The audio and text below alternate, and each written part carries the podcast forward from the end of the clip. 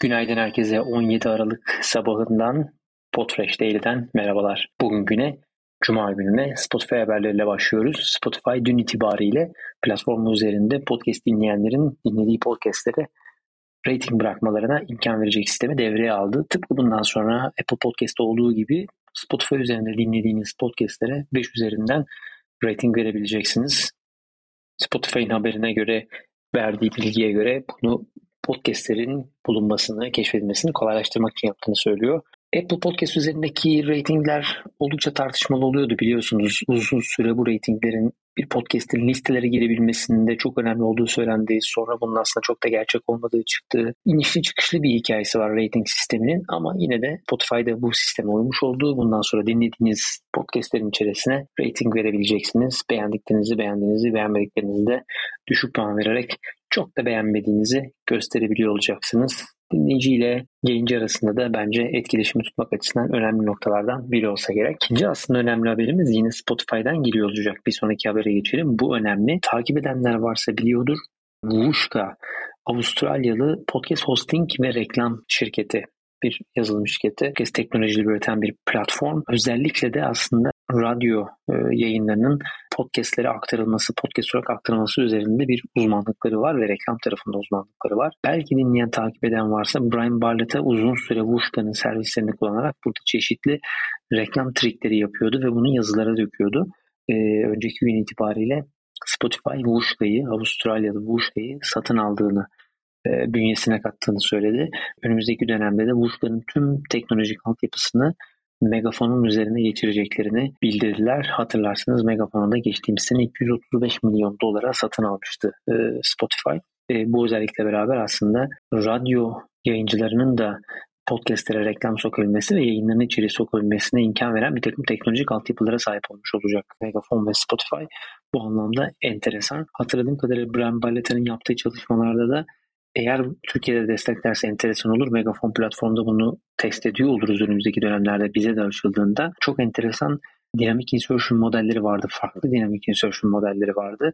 Bakalım bunu ne kadar destekleyecek. E, Türkiye'deki kullanıcı e, haklarından dolayı bir takım özellikleri kaybediyor olabiliriz gizlilikle alakalı ama yine de burada heyecan verici bir e, teknolojik altyapı entegrasyonu söz konusu olacak. Dolayısıyla Spotify bu haftanın belki de senenin son satın alımını gerçekleştirmiş olacak gibi gözüküyor. Bu arada Muska ile ilgili bir ufak bilgi daha vermekte fayda olur.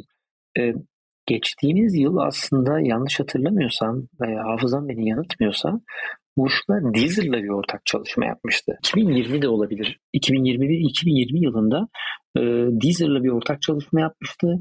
Deezer'ın içerisine Wooshka'nın hosting platformunda bulunan e, birçok yayını Deezer üzerine yerleştirmesini sağlamışlardı diye hatırlıyorum.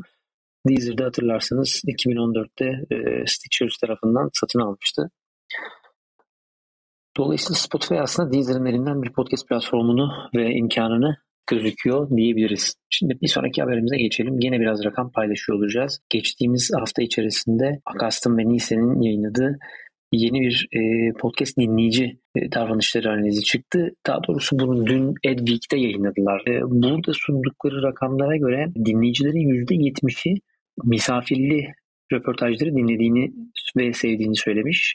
%58'i panel discussion'larını, panel tartışmalarını podcast olarak dinlemeyi sevdiklerini söylemişler. E, bu enteresan. Dinleyicilerin büyük kısmı e, haber, müzik ve komedi ağırlıklı içerikleri sevdiğini söylemiş %64 oranla.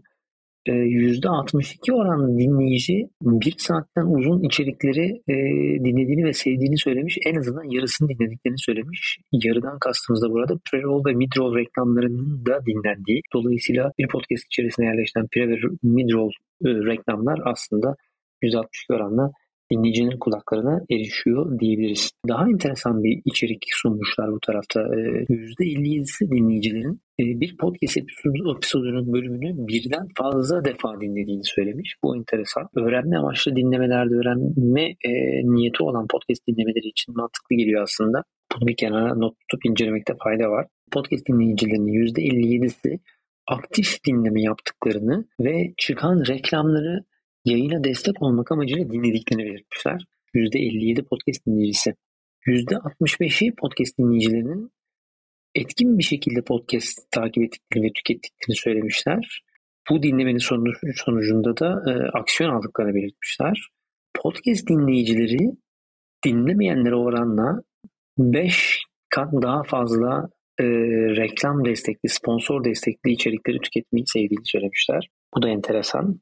Edwig'den gelen aslında rakamlar bu kadar. Bu sunumun tamamına ulaşırsam bunun da linklerini koymaya çalışacağım. Henüz elimde yok ama buna dolaşmaya çalışacağım diyeyim.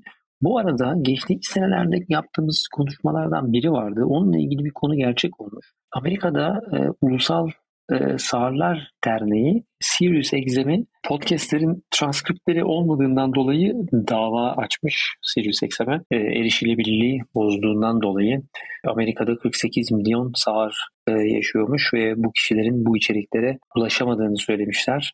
2000 onların başında 2012'de galiba National e, Association of Deaf yani ulusal Amerikan e, Sarlar Birliği Netflix'e de benzer bir dava açmıştı ama e, karşılık bulmamıştı. Dava düşmüştü. Bunu da hatırlatmakta fayda var diyelim.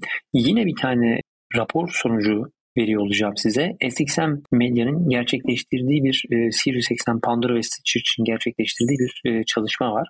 Araştırma.